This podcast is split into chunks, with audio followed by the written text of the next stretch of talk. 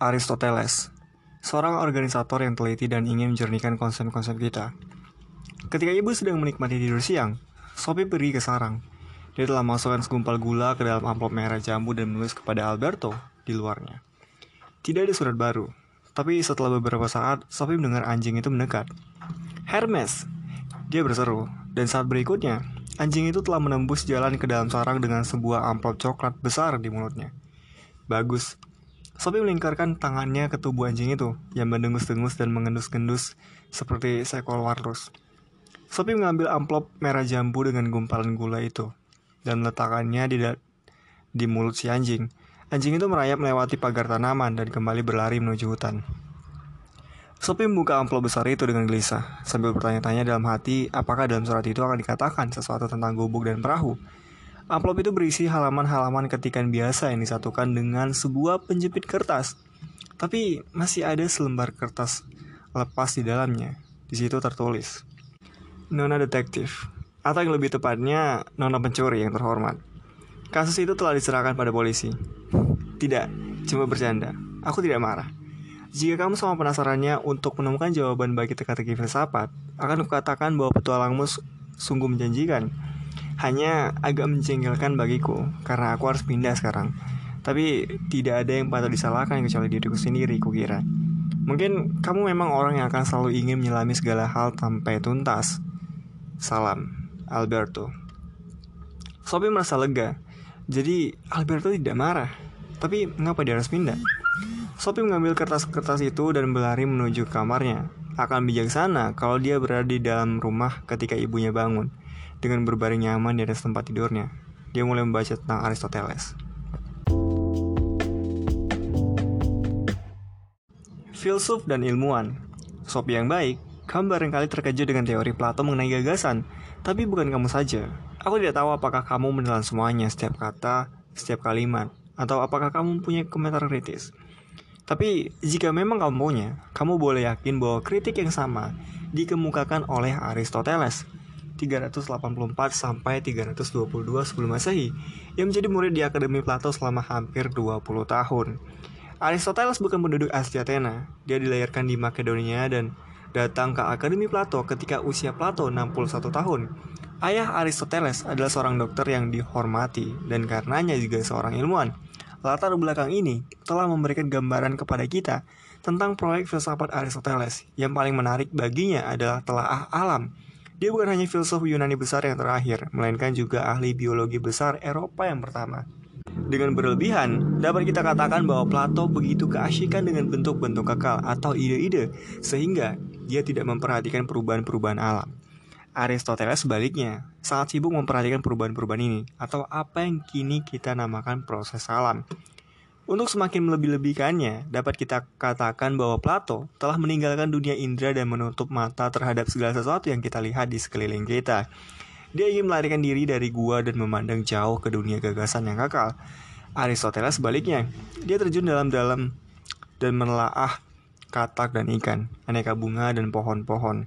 Sementara Plato menggunakan akalnya, Aristoteles menggunakan perasaannya pula.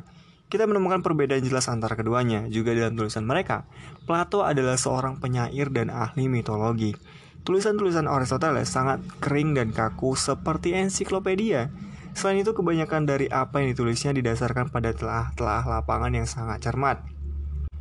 Catatan dari zaman kuno mengacu pada 170 judul yang diperkirakan sebagai tulisan Aristoteles. Di antara semuanya ini, 47 judul berhasil dilestarikan. Buku-buku tersebut tidak sempurna. Mereka terutama berisi catatan-catatan kuliah. Pada masanya, filsafat masih merupakan aktivitas lisan. Arti penting Aristoteles dalam kebudayaan Eropa juga dikarenakan dia telah menciptakan terminologi yang masih digunakan para ilmuwan masa kini. Dia adalah seorang organisator ulung yang mendirikan dan mengklasifikasikan berbagai ilmu.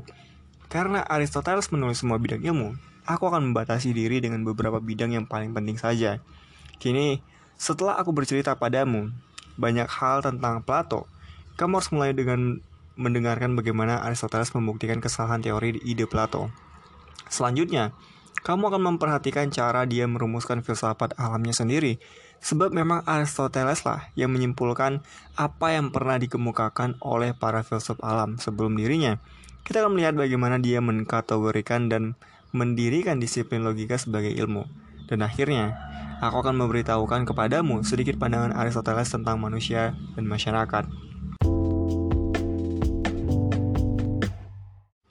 Tidak ada ide bawaan. Seperti para filsuf sebelumnya, Plato ingin menemukan yang kekal dan abadi di tengah semua perubahan.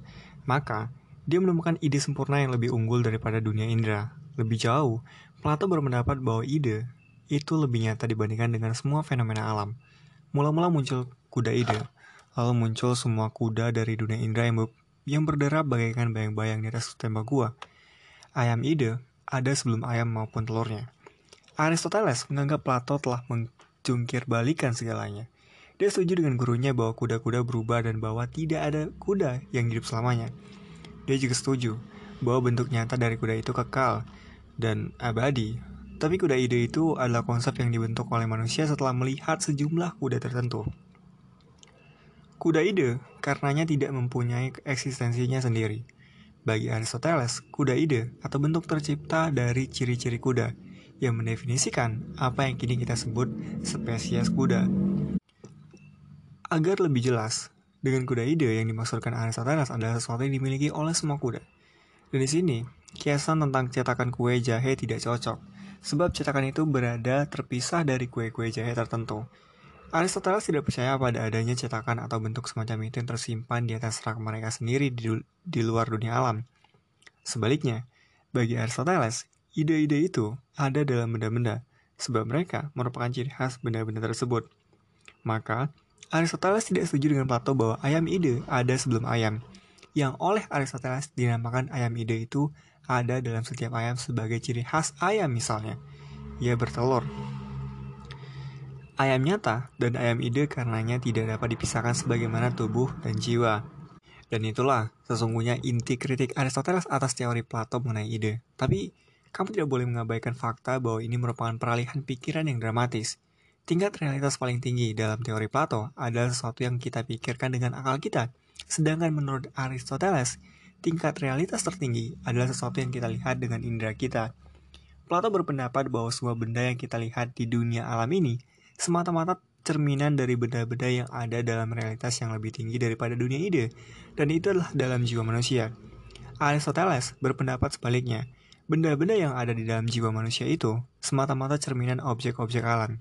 Maka, alam adalah dunia yang nyata. Menurut Aristoteles, Plato terperangkap dalam gambaran mitologis dunia yang di dalamnya imajinasi manusia disamakan dengan dunia nyata. Aristoteles mengungkapkan bahwa tidak ada sesuatu pun di dalam kesadaran yang belum pernah dialami oleh indra. Plato sebelumnya mengatakan bahwa tidak ada sesuatu pun di dunia alam ini yang sebelumnya tidak lebih dulu ada di dunia ide. Aristoteles berpendapat bahwa dengan begitu Plato menggandakan jumlah benda-benda dia menjelaskan seekor kuda dengan mengacu pada kuda ide. Tapi penjelasan macam apa itu Sophie? Pertanyaanku adalah, dari mana datangnya kuda ide itu? Mungkin kan nantinya akan ada kuda ketiga, karena kuda ide itu hanyalah tiruan darinya.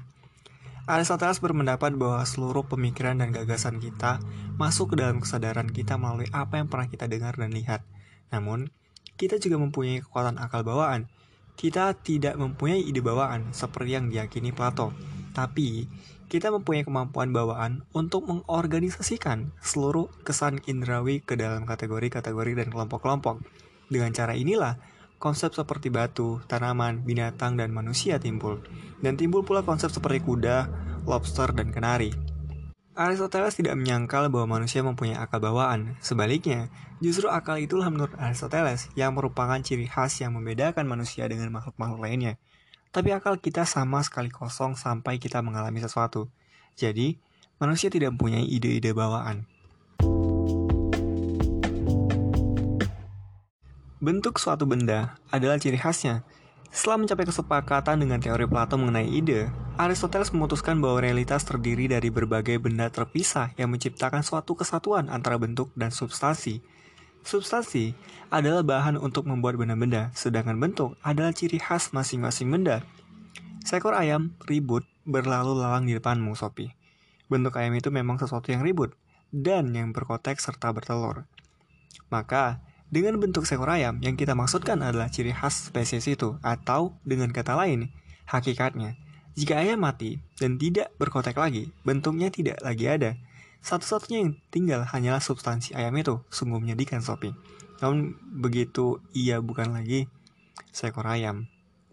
Seperti katakan sebelumnya, Aristoteles sangat memperhatikan perubahan-perubahan alam. Substansi selalu menyimpan potensi untuk mewujudkan suatu bentuk tertentu. Dapat kita katakan bahwa substansi selalu berusaha untuk mewujudkan potensi bawaan. Setiap perubahan alam, menurut Aristoteles, merupakan perubahan substansi dari yang potensial menjadi aktual. Ya, akan kujelaskan apa maksudku, Sophie. Perhatikan kalau kalau cerita lucu ini dapat membantumu. Seorang pematung sedang mengerjakan sebuah balok granit besar. Dia menetak-netak balok tak berbentuk itu setiap hari. Suatu hari, seorang pemuda kecil datang dan berkata, Apa yang kamu cari? Tunggu dan lihat saja, jawab pematung itu. Setelah beberapa hari, si pemuda kecil kembali, dan kini pematung itu telah memahat seekor kuda yang sangat indah dari granit tersebut.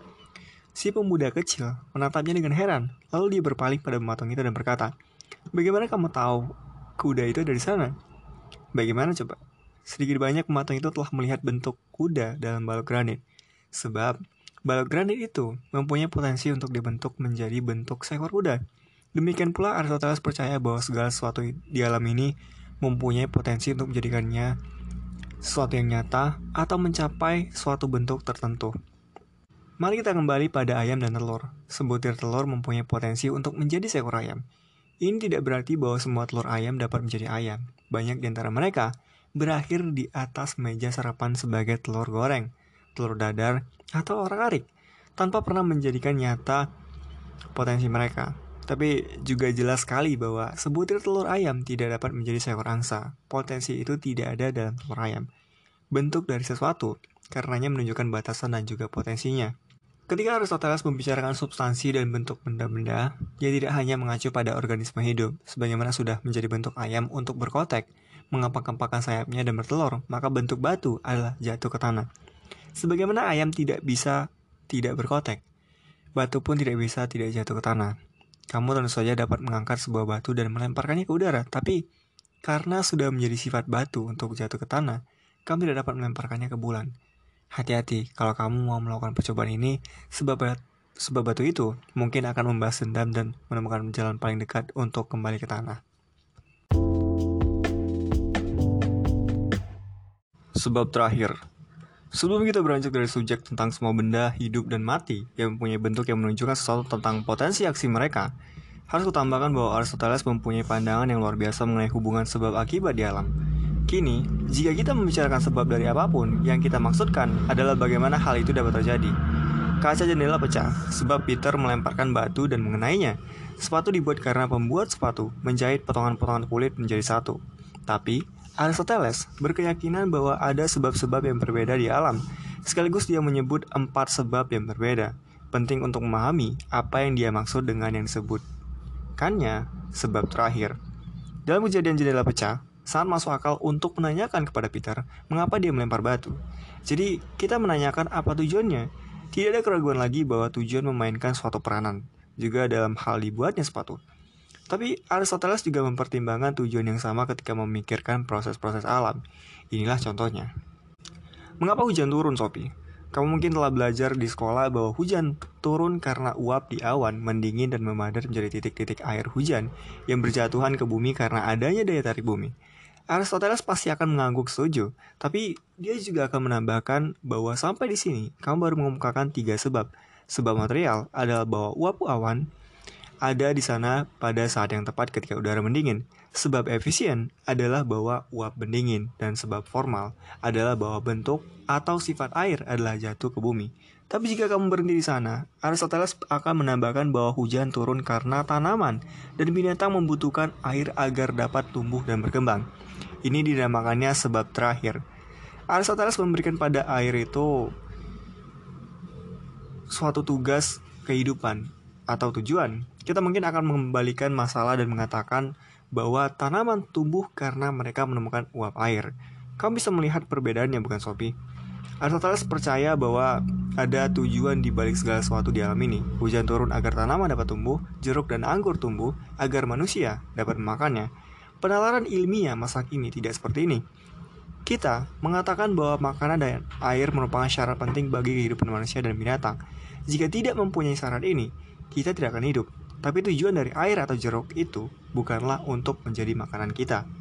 Maka dalam masalah sebab akibat, kita tergoda untuk mengatakan bahwa Aristoteles salah. Tapi sebaiknya kita tidak terburu-buru. Banyak orang percaya bahwa Tuhan menciptakan dunia sebagaimana adanya agar seluruh makhluknya dapat hidup di dalamnya. Jika dipandang dengan cara ini, dengan sendirinya dapat dikatakan bahwa ada air di sungai sebab binatang dan manusia membutuhkan air untuk hidup. Tapi kini kita membicarakan tujuan Tuhan. Air hujan dan air sungai tidak mempunyai kepentingan dengan kesejahteraan kita.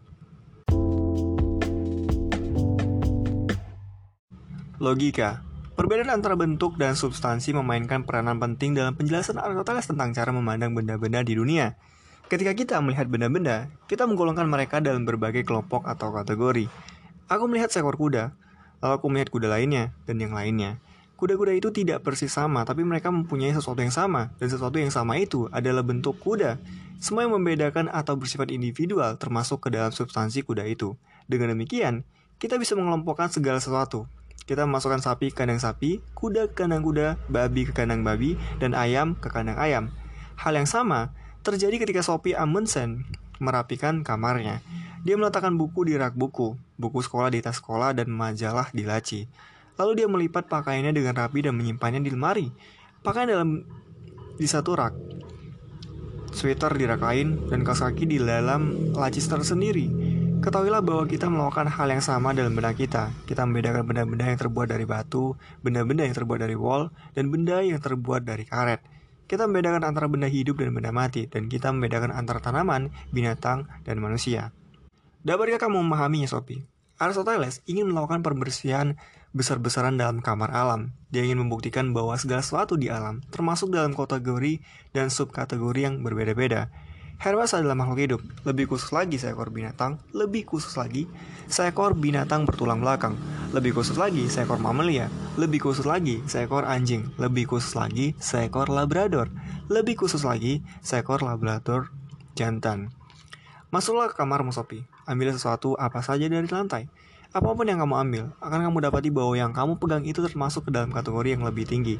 Pada saat kamu melihat sesuatu yang tidak dapat kamu golongkan, kamu akan terkejut. Jika masalahnya kamu menemukan suatu benda kecil yang tidak kamu kenal dan kamu tidak dapat menentukan apakah itu binatang, tanaman atau mineral, kukira kamu tidak akan berani menyentuhnya.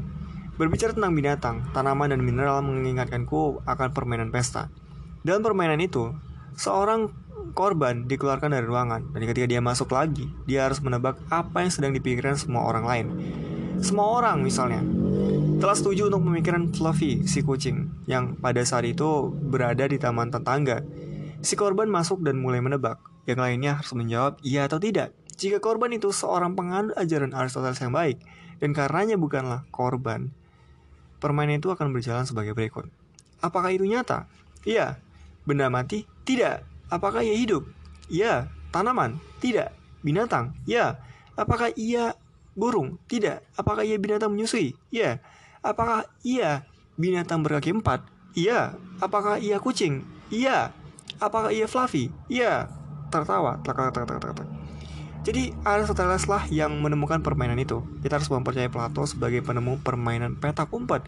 Demokritus, Demokritus diyakini sebagai penemu permainan Lego. Aristoteles adalah seorang organisator yang teliti yang ini mencernihkan konsep-konsep kita. Sesungguhnya dialah yang mendirikan ilmu logika. Dia menunjukkan sejumlah hukum yang mengatur kesimpulan-kesimpulan atau bukti-bukti yang sah. Satu contoh sudah cukup. Jika pertama-tama aku katakan bahwa semua makhluk hidup akan mati, premis pertama, dan kemudian aku katakan bahwa Hermes adalah makhluk hidup. Premis kedua, aku dapat menyimpulkan bahwa Hermes akan mati. Contoh itu membuktikan bahwa logika Aristoteles didasarkan pada korelasi pengertian dalam hal ini, makhluk hidup dan akan mati. Meskipun orang harus mengakui bahwa kesimpulan di atas 100% benar, kita juga boleh menambahkan bahwa itu hampir tidak menunjukkan sesuatu yang baru. Kita sudah tahu bahwa Hermes akan mati. Dia adalah seekor anjing dan semua anjing adalah makhluk hidup yang akan mati. Dan seperti batu cadas di Gunung Everest. Tentu saja kita tahu itu, Sophie. Tapi hubungan antara kelompok-kelompok benda tidak selalu jelas. Kadang-kadang kita harus menjelaskan konsep-konsep kita. Misalnya, apakah memang mungkin bahwa bayi tikus yang kecil mungil menyusu seperti anak domba atau anak babi? Tikus jelas tidak bertelur. Pernahkah kamu melihat sebutir telur tikus? Jadi, mereka melahirkan anak hidup, persis seperti babi dan domba. Tapi kita menyebut binatang yang melahirkan anak hidup itu mamalia dan mamalia adalah binatang yang menyusu pada ibunya. Jadi, kita bisa membuat kesimpulan. Kita sudah mendapatkan jawabannya dalam benak kita. Namun, kita harus memikirkannya benar-benar. Suatu saat kita bisa saja lupa bahwa tikus memang menyusu dari ibunya. Mungkin itu karena kita tidak pernah melihat seekor bayi tikus sedang disusui. Alasannya sederhana, yaitu bahwa tikus agaknya malu pada manusia ketika sedang menyusui anaknya. Tangga alam Ketika Aristoteles membuat penjelasan tentang kehidupan, pertama-tama dia menyatakan bahwa segala sesuatu di alam ini dapat dibagi menjadi dua kategori utama, di satu pihak, ada benda mati, seperti batu, tetes air, atau gumpulan tanah. Benda-benda itu tidak mempunyai potensi untuk berubah. Menurut Aristoteles, benda-benda mati hanya dapat berubah melalui pengaruh luar. Hanya benda hidup yang mempunyai potensi untuk berubah. Aristoteles membagi benda hidup ke dalam dua kategori, yang satu terdiri dari tanaman dan yang lain adalah makhluk. Akhirnya, makhluk-makhluk ini juga dapat dibagi ke dalam subkategori, yaitu binatang dan manusia. Kamu harus mengakui bahwa kategori-kategori dari Aristoteles itu jelas dan sederhana. Ada perbedaan nyata antara benda hidup dan benda mati. Misalnya, sekuntum mawar dan sebuah batu, sebagaimana ada perbedaan jelas antara tanaman dan binatang. Misalnya, sekuntum mawar dan seekor kuda. Aku juga akan mengungkapkan bahwa ada perbedaan jelas antara seekor binatang dan seekor manusia. Tapi seekor terdiri dari apakah perbedaan ini persisnya? Dapatkah kamu mengatakannya pada aku? Sayangnya, aku tidak punya banyak waktu untuk menunggu menuliskan jawabannya dan memasukkannya ke dalam sebuah amplop merah jambu dengan segumpal gula. Maka, aku akan menjawab sendiri pertanyaan itu. Ketika Aristoteles membagi fenomena alam ke dalam berbagai kategori, kriterianya adalah ciri objek itu, atau secara lebih khusus apa yang dilakukan atau apa yang dapat dilakukannya. Semua benda hidup, tanaman, binatang, manusia mempunyai kemampuan untuk menyerap makanan, tumbuh dan berkembang biak. Semua makhluk hidup, binatang dan manusia sebagai tambahan, mempunyai kemampuan untuk memahami dunia di sekeliling mereka dan bergerak ke sana kemari. Lebih-lebih, semua manusia mempunyai kemampuan untuk berpikir atau mengatur persepsi-persepsi mereka ke dalam berbagai kategori dan golongan. Maka, sesungguhnya, tidak ada batasan tegas di dunia alam ini. Kita melihat adanya transisi sedikit demi sedikit dari tanaman sederhana hingga tanaman yang lebih rumit. Dari binatang yang sederhana hingga binatang yang lebih rumit. Di puncak tangga ini adalah manusia. Ya menurut yang menurut Aristoteles menjalani kehidupan alam sepenuhnya. Manusia tumbuh dan menyerap makanan seperti tanaman. Dia mempunyai perasaan dan kemampuan untuk bergerak seperti binatang, tapi dia juga mempunyai ciri khas yang hanya dimiliki manusia, yaitu kemampuan untuk berpikir secara rasional. Oleh karena itu, manusia mempunyai sepercik akal ilahi, Sophie. Ya, aku memang mengatakan ilahi. Berulang-ulang Aristoteles mengingatkan kita bahwa pasti ada Tuhan yang memulai semua gerakan di dunia alam ini. Oleh karena itu, Tuhan pasti berada di puncak paling atas tangga alam. Aristoteles membayangkan gerakan binatang-binatang dan planet-planet yang memandu seluruh gerakan di atas bumi. Tapi, pasti ada sesuatu yang menyebabkan benda-benda angkasa bergerak. Aristoteles menamakan ini penggerak pertama atau Tuhan.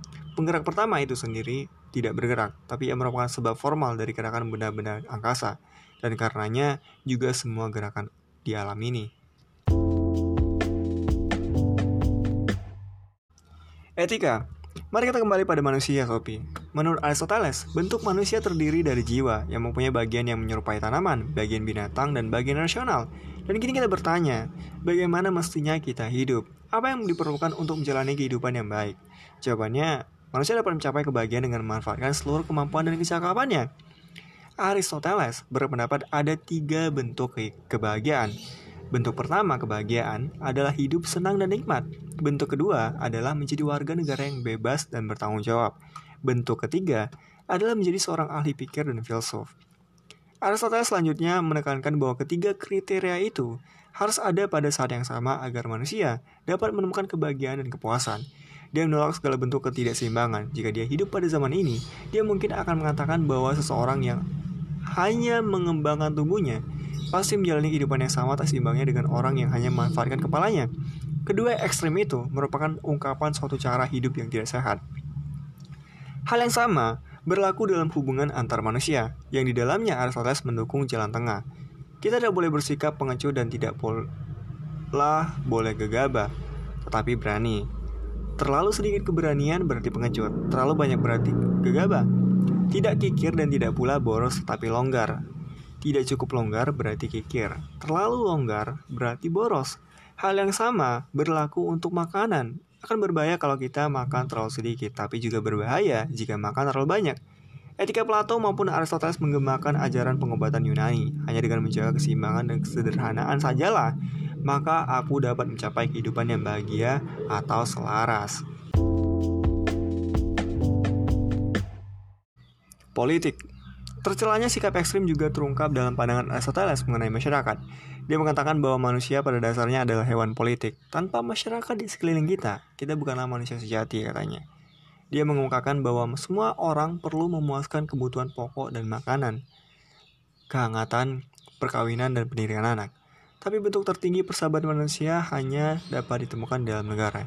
Ini mendorong timbulnya pertanyaan bagaimana negara sebaiknya diatur. Kamu ingat negara filosofis Plato. Aristoteles mengemukakan tiga bentuk konstitusi yang baik. Yang pertama adalah monarki, atau kerajaan yang berarti hanya ada satu kepala negara. Agar bentuk konstitusi ini bisa berjalan baik, ia tidak boleh melenceng menjadi tirani.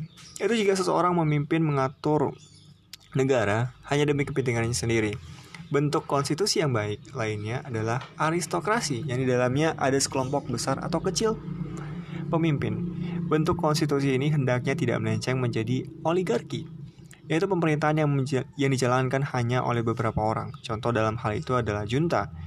Bentuk konstitusi yang baik ketiga adalah apa yang dinamakan Aristoteles politi, yang berarti demokrasi. Tapi bentuk ini juga mempunyai aspek negatif. Suatu demokrasi dapat dengan cepat berkembang menjadi pemerintahan oleh kawanan atau biasa disebut mob rule. Bahkan jika si tiran Hitler tidak menjadi kepala negara Jerman, semua anggota Nazi di bawahnya dapat membentuk mob rule yang mengerikan. Pandangan mengenai wanita. Akhirnya, mari kita pelajari pandangan Aristoteles mengenai kaum wanita. Sayangnya, pandangannya tidak begitu menggembirakan sebagaimana pandangan Plato. Aristoteles lebih cenderung untuk percaya bahwa kaum wanita itu tidak sempurna dalam beberapa hal, Seorang wanita adalah pria yang belum lengkap. Dalam hal reproduksi, wanita bersikap pasif dan reseptif, sementara pria aktif dan produktif. Karena anak yang mewarisi sifat-sifat pria, kata Aristoteles. Dia percaya bahwa semua sifat anak terkumpul lengkap dalam sperma pria. Wanita adalah ladang yang menerima dan menumbuhkan benih, sementara pria adalah yang menanam. Atau dalam bahasa Aristoteles, pria menyediakan bentuk sedangkan wanita menyumbangkan substansi. Tentu saja mengejutkan sekaligus patut disayangkan bahwa seorang pria yang begitu cerdas dapat begitu keliru mengenai hubungan antara dua jenis kelamin. Tapi ini membuktikan dua hal. Pertama bahwa Aristoteles pasti tidak mempunyai banyak pengalaman praktis menyangkut kehidupan kaum wanita dan anak-anak. Dan kedua, itu menunjukkan betapa segala sesuatu dapat menjadi demikian kacau jika hanya kaum pria dibiarkan menguasai bidang filsafat dan ilmu pengetahuan. Pandangan Aristoteles yang keliru mengenai jenis kelamin itu sangat membahayakan Sebab justru pandangannya dan bukan pandangan Plato yang berpengaruh sepanjang abad pertengahan. Gereja karenanya mewarisi pandangan tentang wanita yang sama sekali tidak ada landasannya dalam Bible. Yesus jelas bukan pembenci wanita. Aku tidak akan mengatakan apa-apa lagi, tapi kamu akan mendapat kabar dariku lagi.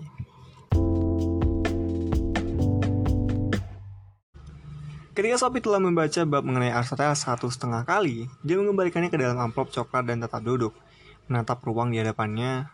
Tiba-tiba dia sadar betapa berantakan sekelilingnya. Buku-buku dan menjilid buku berbentuk cincin bertebaran di atas lantai.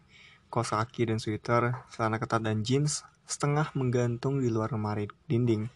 Dan sekursi di depan meja tulis ada setumpukan besar pakaian kotor. Sophie merasakan keinginan yang tak tertahankan untuk membersihkan kamarnya. Yang pertama-tama dilakukannya adalah menarik semua pakaiannya keluar dari lemari dinding dan menumpuk dan menumpahkannya ke atas lantai. Dia merasa perlu merapikan semuanya dari awal lagi. Lalu, dia mulai melipat barang-barang dengan sangat rapi dan menyimpannya dengan teratur di atas rak. Pada lemari dinding, itu ada tujuh rak. Satu untuk pakaian dalam, satu untuk kaos kaki dan celana ketat, dan satu lagi untuk jeans. Sedikit demi sedikit dia mengisi setiap rak. Dia tidak pernah mempertanyakan di mana menyimpan sesuatu. Pakaian kotor masuk ke sebuah tas plastik yang ditemukannya di rak paling bawah. Tapi ada sesuatu yang aneh. Sebuah kaos kaki putih setinggi lutut. Masalahnya, kaos kaki itu hanya satu. Lebih-lebih itu bukan milik Shopee. Dia mengamatinya dengan cermat. Tidak ada tanda-tanda bahwa dapat menunjukkan bahwa siapa pemiliknya. Tapi Shopee mempunyai kecurigaan keras mengenai siapa pemiliknya. Dia melemparkannya ke rak paling atas agar jadi satu dengan Lego, kaset video, dan selendang sutra merah. Dia telah menyediakan rak paling atas pada lemari dindingnya, khusus untuk benda-benda semacam itu. Itu adalah salah satunya tempat di kamar itu yang tidak dapat sepenuhnya dia kontrol. Sophie mengalihkan perhatiannya ke atas lantai. Dia memilah-milah buku, penjilid buku, majalah, poster, persis seperti yang telah digambarkan guru filsafat itu. Dalam bab mengenai Aristoteles selesai mengerjakan itu, dia membereskan tempat tidurnya dan mulai merapikan meja tulis. Yang terakhir dilakukannya adalah mengumpulkan seluruh halaman ketikan mengenai Aristoteles menjadi satu tumpukan yang rapi. Dia mencari-cari sebuah penjilid tak terpakai dan alat lubang kertas. Dia melubagi tumpukan halaman itu dan menyatukannya dengan cincin penjilid. Yang ini juga dimasukkan ke rak paling atas. Belakangan pada hari itu, dia membawa masuk kaleng kue dari sarang. Mulai sekarang, segala sesuatu harus tetap ditata rapi dan maksudnya bukan hanya di kamarnya. Setelah membaca tentang Aristoteles, dia sadar betapa pentingnya menata gagasan-gagasannya secara teratur. Tidak ada tanda-tanda kehidupan dari ibunya selama lebih dari dua jam. Sophie pergi ke bawah. Sebelum membangunkan ibu, dia memutuskan untuk memberi makan binatang-binatang piaraannya. Dia membungkuk di atas toples ikan mas di dapur. Salah satu ikan itu berwarna hitam, yang satu lagi oranye, dan satunya lagi merah putih. Inilah sebabnya dia menamai mereka Blackjack, Gold Top, dan Red Riding Hood. Ketika dia memercikan makanan ikan ke dalam air, dia berkata, Kalian termasuk makhluk hidup di alam ini. Kalian dapat menyerap makanan, kalian dapat berkembang dan berkembang biak sendiri. Lebih khusus lagi, kalian masuk ke dalam golongan binatang. Maka kalian dapat bergerak ke sana kemari dan melihat-lihat dunia. Lebih tepat lagi, kalian adalah ikan. Kalian bernapas-napas dengan insang dan dapat berenang ke depan dan ke belakang ke de di dalam air kehidupan. Sophie meletakkan kembali tutup toples makanan ikan. Dia sangat puas dengan caranya mendudukan ikan mas itu pada tangga alam. Dan terutama dia sangat puas dengan ungkapan air kehidupan. Maka kini, giliran burung parkit. Sophie menuangkan sedikit makanan burung ke dalam cangkir makanan mereka dan berkata, Smith dan Small yang baik, kalian telah menjadi parkit-parkit kecil tersayang sebab kalian berkembang dari telur-telur parkit kecil dan karena telur-telur ini mempunyai potensi untuk menjadi parkit. Untunglah kalian tidak menjadi burung beo yang suka berkuak-kuak. Sophie selanjutnya masuk ke kamar mandi besar, tempat kura-kuranya yang lembam mendekam dalam sebuah kotak besar. Sekali-sekali ketika mandi, ibu berteriak mengancam akan membunuh kura-kura itu suatu hari nanti. Tapi selama ini ancaman itu hanya gertakan sambal saja. Sophie mengambil daun selada dari sebuah toples selai besar dan meletakkannya ke dalam kotak. Govinda yang baik katanya. Kamu bukan salah satu binatang tercepat, tapi jelas kamu mampu mengindrai sedikit bagian dari dunia amat sangat besar tempat kita hidup ini. Kamu harus puas dengan kenyataan bahwa kamu bukan satu-satunya yang tidak dapat melampaui batas dirimu sendiri. Saya kan barangkali sedang berburu tikus, memang begitulah sifat kucing. Sophie melintasi ruang duduk menuju kamar tidur ibunya. Sebuah vas berisi bunga daffodil berdiri di atas meja kopi. Seakan-akan bunga kuning itu membungkuk dengan hormat ketika Sophie lewat. Dia berhenti sejenak dan membiarkan jari-jarinya menyapu pucuk-pucuk mereka yang lembut. Kalian termasuk bagian kehidupan alam pula katanya. Sungguhnya kalian telah mendapatkan hak istimewa dibandingkan dengan vas tempat kalian ditaruh. Tapi sayangnya kalian tidak mampu menghargainya. Lalu, Sophie berjingkat menuju kamar tidur ibunya meskipun ibunya sedang tidur pulas. Sophie meletakkan sebelah tangannya ke dahi wanita itu. Ibu salah seorang yang paling beruntung katanya. Sebab ibu bukan sekedar hidup seperti bunga kakung di kebun dan ibu bukan pula sekadar makhluk hidup seperti Sarekan atau Govinda. Ibu adalah manusia dan karenanya memiliki kemampuan berpikir yang langka. Sedang bicara apa kamu Sopi? Ibunya terbangun lebih cepat daripada biasanya. Aku hanya mengatakan bahwa ibu tampak seperti si kura-kura malas. Kalau tidak, aku akan memberitahu ibu bahwa aku telah merapikan kamarku dengan kecermatan filosofis. Ibunya mengangkat kepalanya. Aku akan ke sana katanya. Kamu yang bikin kopi ya. Sophie melakukan apa yang disuruh dan mereka segera duduk di dapur menghadapi kopi sari buah dan coklat. Tiba-tiba Sophie berkata, Pernahkah ibu bertanya-tanya mengapa kita hidup, Bu? Oh, jangan mulai lagi lah. Ya, sebab kini aku tahu jawabannya. Kita hidup di planet ini agar ada manusia yang dapat memberi nama pada segala sesuatu. Begitu. Aku tidak pernah memikirkannya. Makanya, ibu punya masalah besar. Manusia adalah binatang yang berpikir. Jika ibu tidak berpikir, ibu bukan manusia sungguhan. Sophie, Bayangkan, jika hanya ada tanaman dan binatang, maka tidak akan ada yang akan memberitahu perbedaan antara kucing dan anjing atau bunga bakung dan buah prambos. Tanaman dan binatang hidup juga, tapi hanya kitalah makhluk yang dapat membagi-bagi alam ke dalam kelompok-kelompok dan kelas-kelas yang berbeda-beda. Kau benar-benar anak gadisku yang paling istimewa, kata ibunya. Kuharap begitu, kata Sophie. Setiap manusia itu sedikit demi sedikit memang istimewa. Aku seorang manusia, maka aku sedikit banyak istimewa. Ibu hanya mempunyai seorang anak gadis, maka aku menjadi yang paling istimewa. Yang kumaksudkan adalah bahwa kamu membuat aku ketakutan di siang bolong begini dengan semua pembicaraan baru itu. Kalau begitu, ibu sangat mudah dibuat takut. Sore itu Sophie kembali ke sarang. Dia berusaha untuk menyelundupkan kaleng kue besar itu ke kamarnya tanpa ketahuan ibu. Mula-mula dia menempatkan seluruh halaman itu dengan urutan yang benar. Lalu dia membuat lubang-lubang dan masukkannya pada penjili cincin. Di depan bab mengenai Aristoteles, akhirnya dia menomori setiap halaman di sudut kanan atas. Semuanya ada lebih dari 50 halaman. Sophie sedang dalam proses menyusun buku filsafatnya sendiri. Memang bukan dia yang menulis, tapi ditulis untuknya. Dia tidak punya waktu untuk mengerjakan pekerjaan rumahnya untuk hari Senin. Barangkali mereka akan ujian mata pelajaran agama. Tapi gurunya kalau selalu mengatakan bahwa dia menghargai komitmen pribadi dan pendapat murid mengenai moral. Sophie merasa dia mulai memiliki dasar kuat untuk keduanya.